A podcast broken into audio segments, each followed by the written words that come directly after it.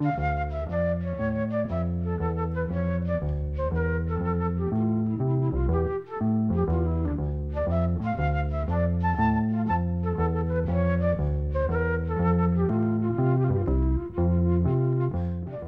sæl.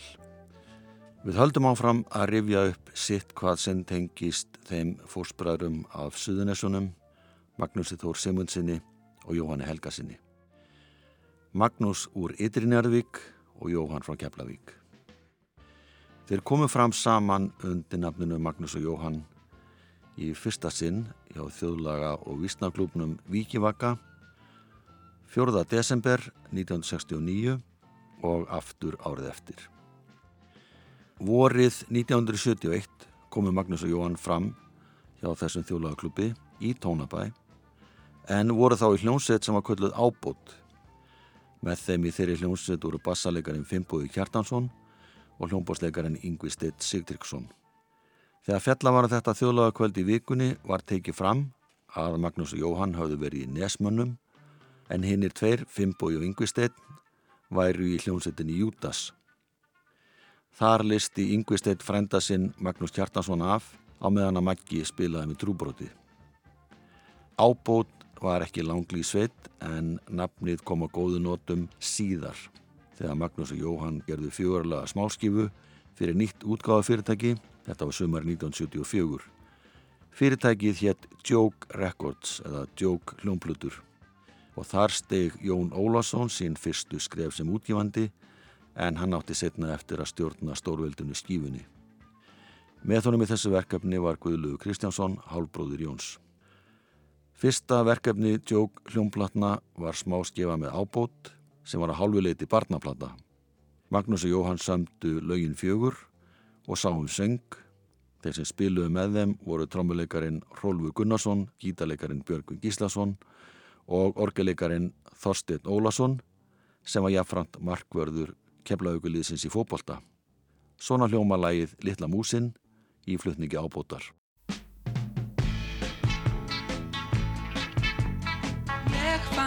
Fann litla mús, hún heitir Heiða. Ég var að greiða henni í dag, herra Jón. Hún er ofsa fín, hún kann að dansa. Og hún dansa svo vel, herra Jón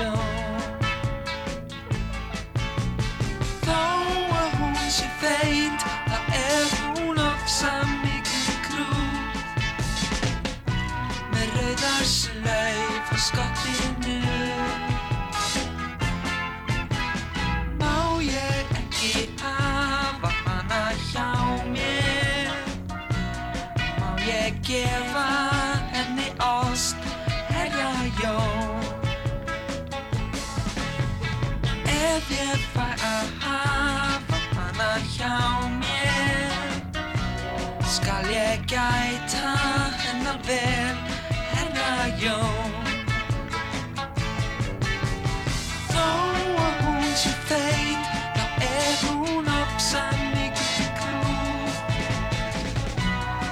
Slauf í skottinu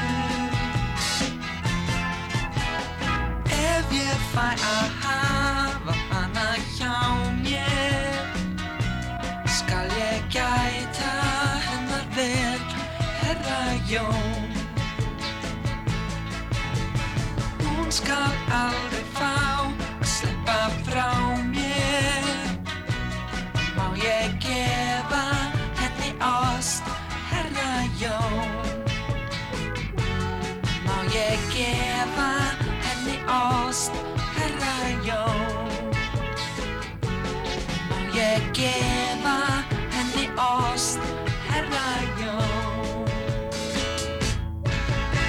Hljómsveitin Ábót og lag sem heiti Littla músin. Lægið og textin er eftir Jóhann Helgason sem samti lægið rétt fyrir 1970 en þá hétta Mr. Jones og textin var á ennsku. Þetta lag lág síðan í skúfunni hjá Jóhanni í nokkur ár þar til að Jón Ólásson kom á máli við hann og sagðist vilja að gefa út plötu með þeim félögum honum á Magnúsi. Jóhann dróð þetta lag upp úr púsi sínu samdi við það íslenskan teksta og þar með breyttist Mr. Jones í Herra Jón. Marki suðunisem en tengdu þann hluta tekstans beinlinis við Jón Ólásson en það var fleira sem að stutti það. Móðir Jóns hétt Þórheður og var Kristjánsdóttir, var æti köllu heiða en músin í tekstanum er einmitt kölluð heiða. Hvaðan um það? Magnús og Jóhann fóru á samt félögum sínum í HB-stúdióið sem hjörtu Blöndal starrætt í Reykjavík og tóku þar upp lögin fjögur sem kom út á þessari plötu. Þegar hún var gefin út mátti lesa í auglýsingum að planta veri bönnuð innan 12 ára. Það er aldrei sérkennilegt. Littla músin nöyð það mikill að vinsalda að lægið hafnaði í fjörðasæti þegar vinsalustu lög ásins voru valinn af lesendu vikunar. Árið setna gerði stóra plötu undir nafninu Allra meina bót og svo plata var tekinu upp í Chapel hljóðvörun í Lundunum.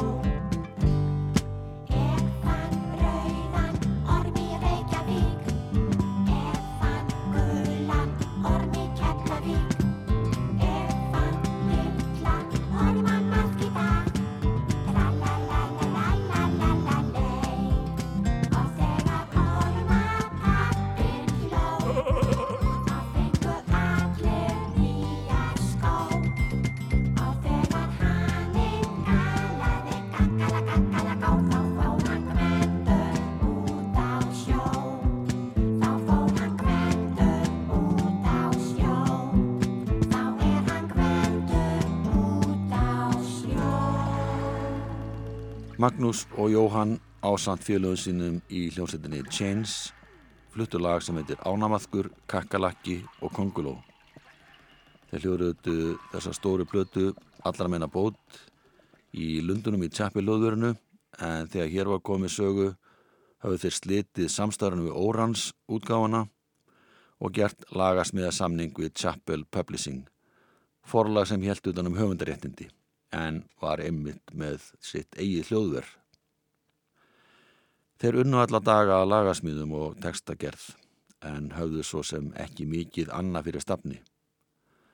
Þar sem þeir voru ekki alla daga að semja poplög, dætti mér í huga að gera nokkuð barnalög og taka þau upp og þegar platan kom út var lagið Mamma gefði mig grásleppu, bísna vinsalt. Það var einu sinni grásleppu kall sem að átti grásleppu skúr. Og ég tekti þennan grásleppu kall hann átti lítinn grásleppu skúr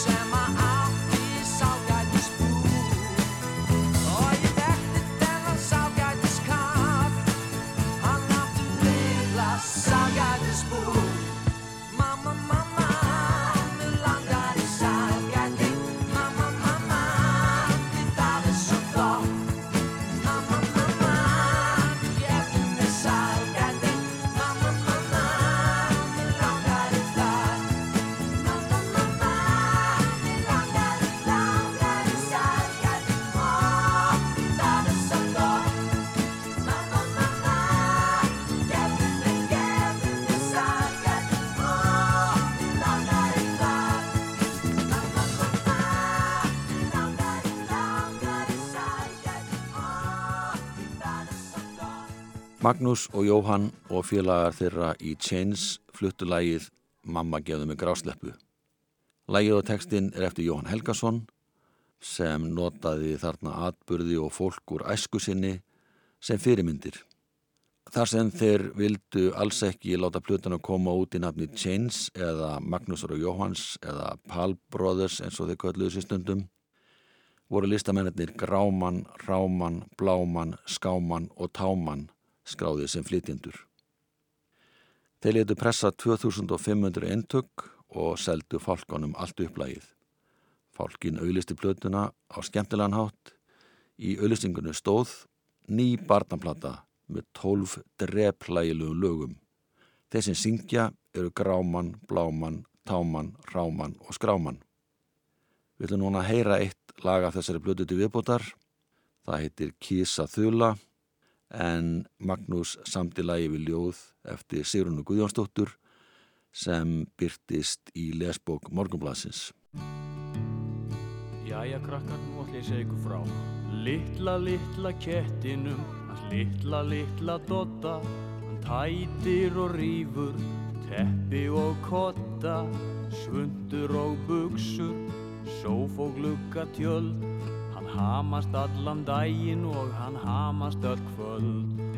Hann byrjar snemm á mornana að býta og klóra.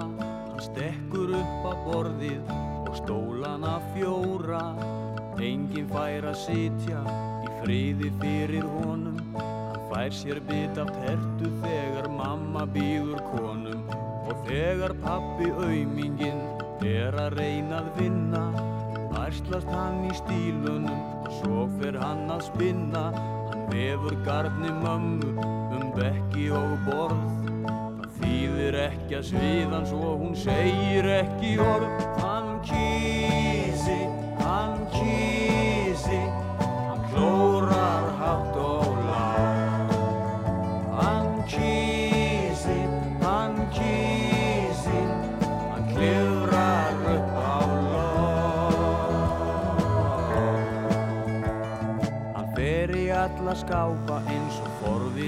Kálfur vil frínast í allt og gera allt sjálfur. Hann eldir mömm á röndum og óskapast við hana.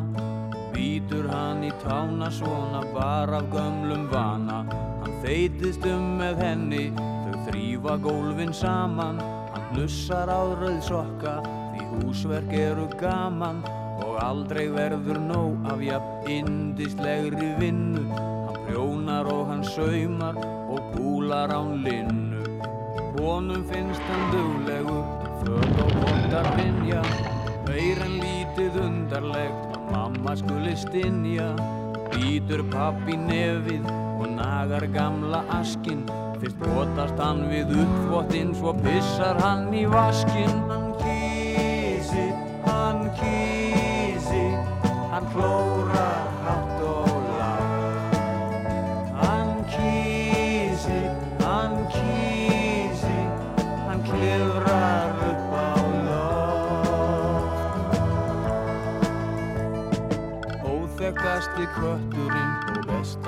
barnið á að bera hann út í tunnu og láta hann í skarnið og það vill Dotti ekki þrátt fyrir allt því þá yrði hann svangur og þá yrðunum kallt þá myndan fara að gráta og mjálma Dotta sinn.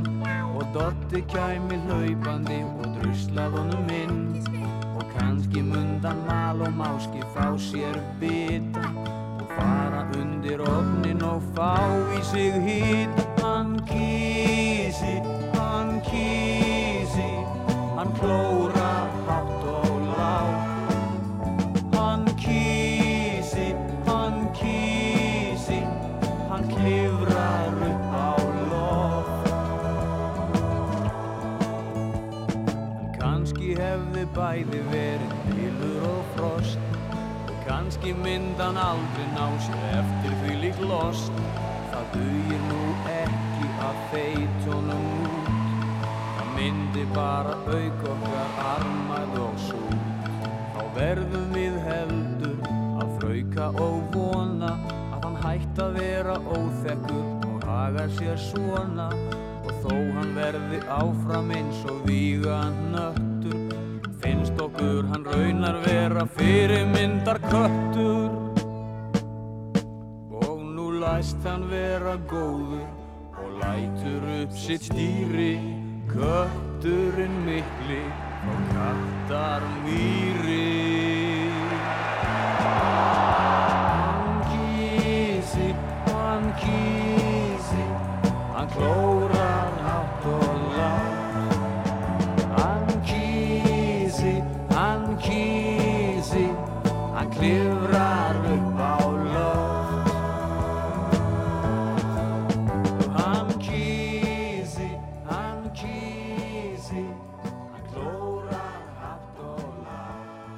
Þetta voru Gráman, Ráman, Bláman, Skáman og Táman eða öllu heldur Magnús Þór, Jóhann Helgason og félaga þeirra í Chains sem fluttu þarna lag eftir Magnús Þór Simundsson við þölu sem heitir Kísa og er eftir Sigurunu Guðjónsdóttur. Þetta er eitt þeirra laga sem kom út af plötunni Allra meina bót árið 1975. Þessu næst ætlum við að fara aftur til ásins 1973 þegar meðlemi Chains fóru út til Bretlands í þrjáru vikur og tóku upp nokkuð lög sem komu einu ári setna út á smáskífum. Þar á meðal er lag eftir Magnús Þór Simundsson sem heitir Lazy London Lady. Örd Pettersen sem skrifaði um poptónlist í Vísi fann þessu lagi allt til foráttu. Plötudómur hans byrtist í Vísi 23. november 1974 og þar segir meðal annars Það mætti halda að reynir byrjendur væri á ferðinni í læginu Lazy London Lady. Söngurinn er oft á tíðum ramfalskur og stælar jóa fara satt að segja oft yfir takmörk þess goða. Tilvittnu líkur.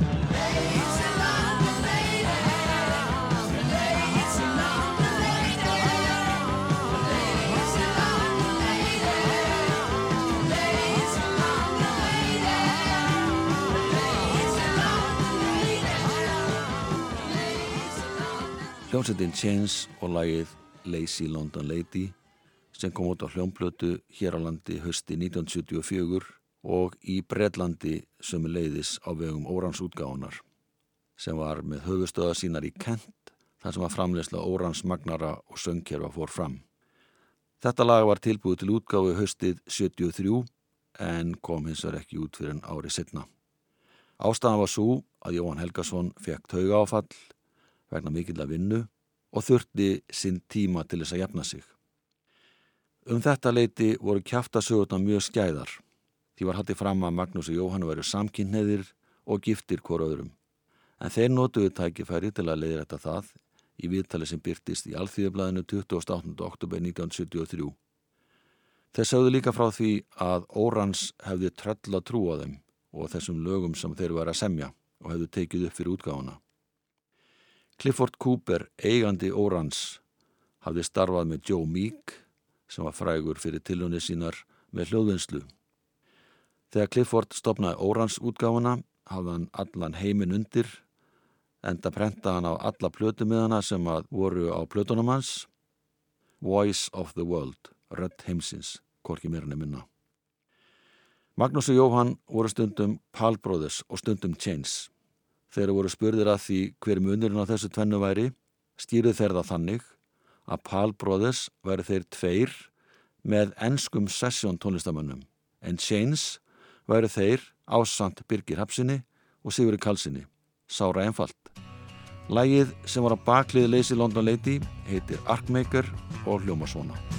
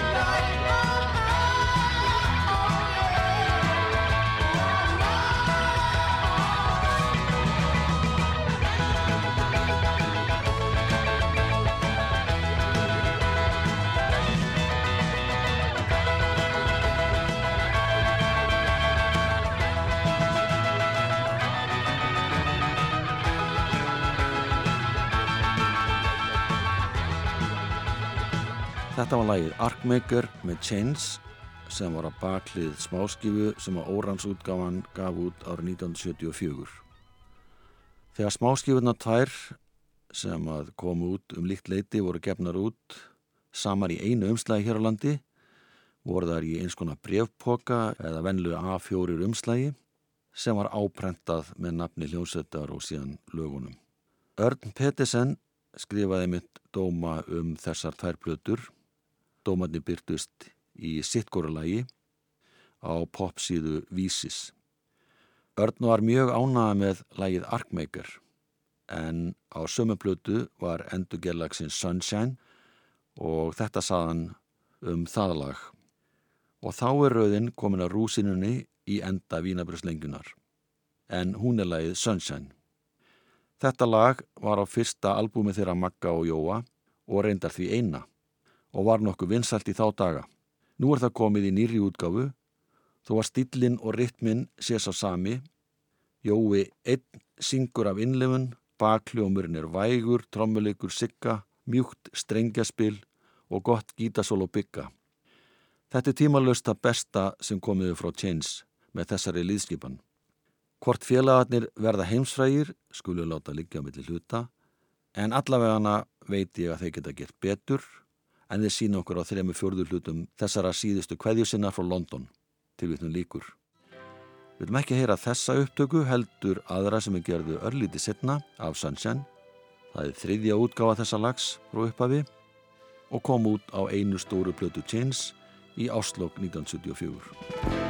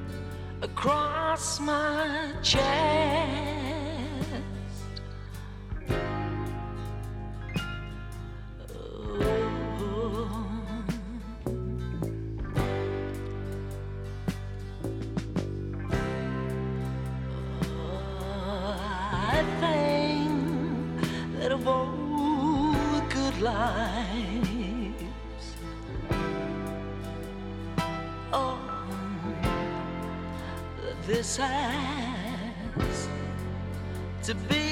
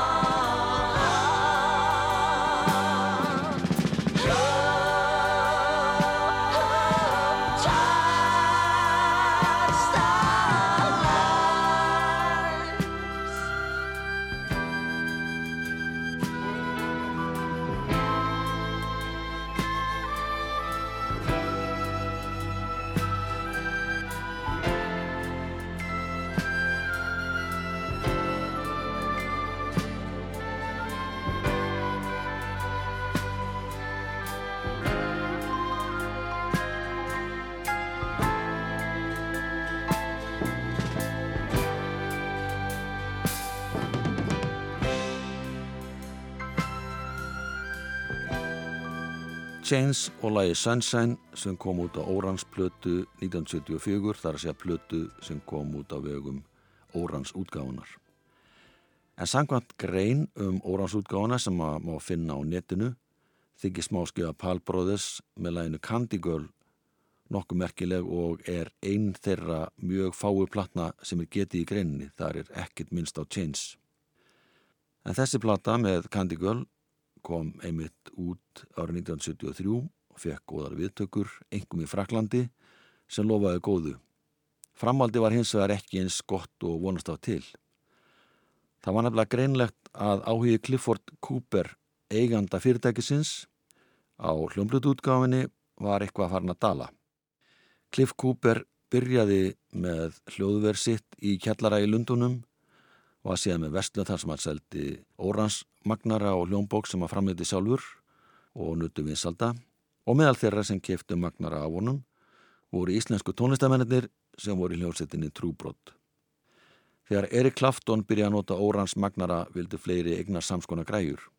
Órans annaði alls ekki eftirspurninni þannig að Cliff Cooper setti allt sitt í að byggja þennan hluta fyrirtækisins upp og koma magnara framislinni á góðan rekspull og var verksmiðan í Kent en þar byggu einmitt meðlumir Chains í tveim húsum sem þeir legðu. Þegar þeir fundu fyrir því að stuðningurum við á hjá Órans var að minka, fór að renna á þau tvær grímur, eitthvað var að taka til bræðs.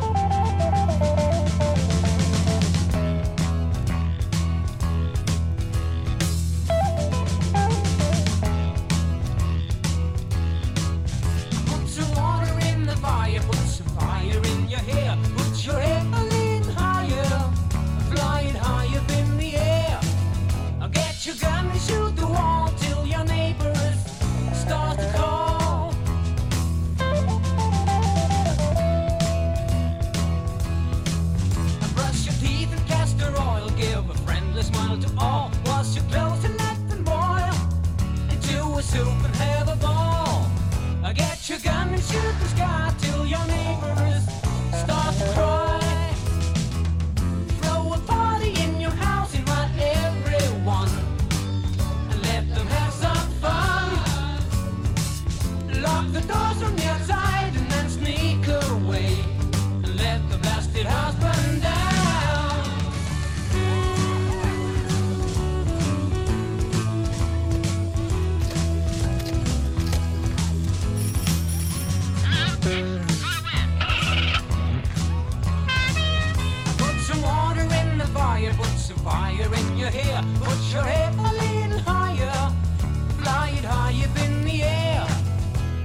gun and shoot the lane. Make your neighbors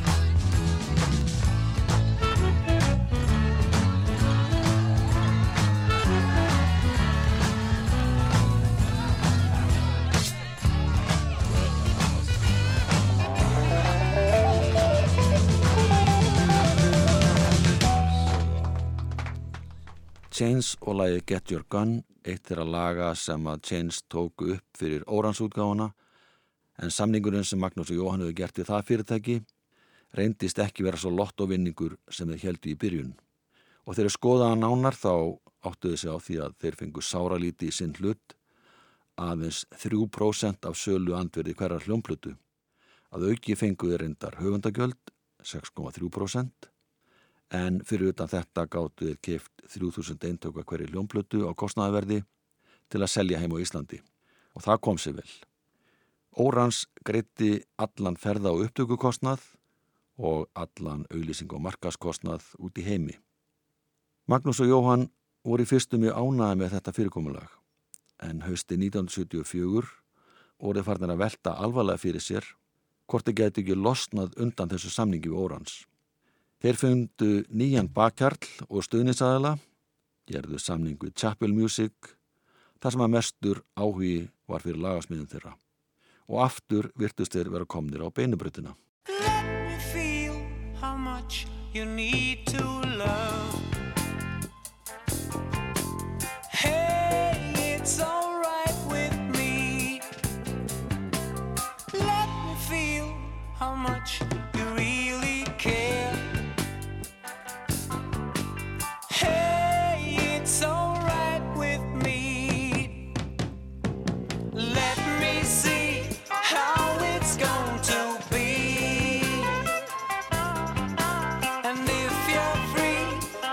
You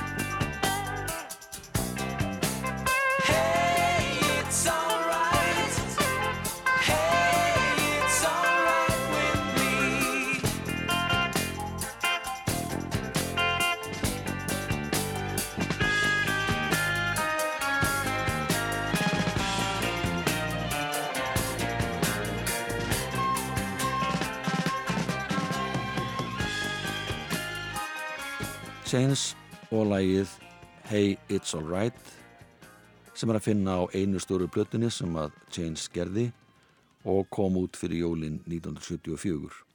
Hún gekk ágætlega á Íslandi en síður annar staðar. Þetta var ellugulega hljómplata sem var tekin upp að mestu í Lundunum en einhver leiti í bandaríkjunum. Jakob Frima Magnússon sem bjó í Lundunum á þessum tíma spila hljómborð og píano og þessari blötu. Það var hins vegar bandaríski upptökustjórin H.B. Barnum sem stjórnaði vinslunni og hafði mikla trú á þessari íslensku hljómsett. Meðlemið James komi heim til Íslands um jólinn og heldur tónleika Östubæðabíói þar sem er fluttu lögin á stóruplötunni og var gerður góður rómur af tónleikunum og einnig af plötunni. Þeir spiluður reyndar víðar hér heima en það sem bar helst í tíðenda var að þeir buðu söngvarnu Björgunni Haldósinni og bassalegrunum Tómasi Tómasinni að bætast í hópin og fara með þeim til Englands eftir áramótin. Við ljúkum þessum þætti á lægi sem heitir Hit Record en þar er sungið um þann draum flestra listamanna um að slá í gegn. Verðið sæl.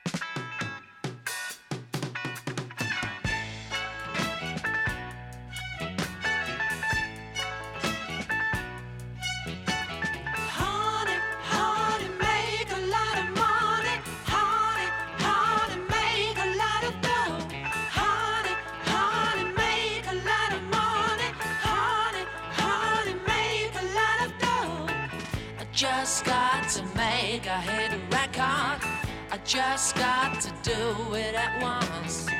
You just got to buy one of my records. You just got to do it at once. Sing it, honey, honey, make a lot of money. Honey, honey, make a lot of dough. Honey, honey, make a lot of money. Honey, honey, make a lot of dough. I just got to make a hit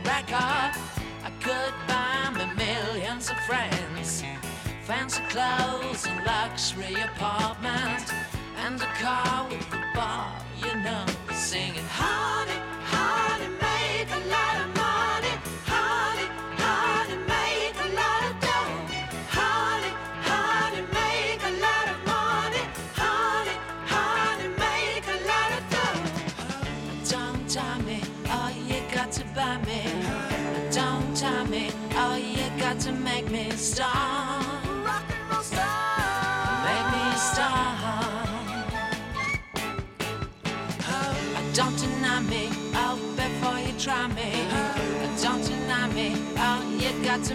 me star. A rock and roll star.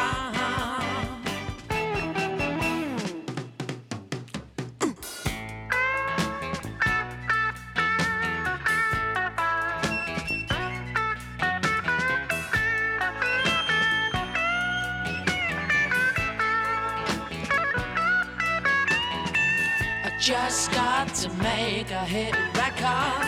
I can't to wait no more. You just got to buy one of my records. You just got to open the door. Sing, honey,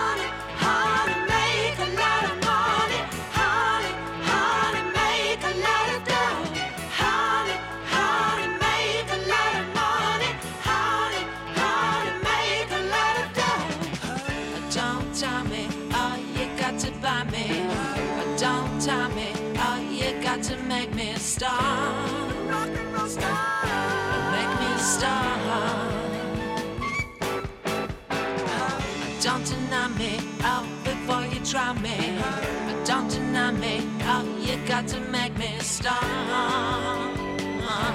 A rock and roll star.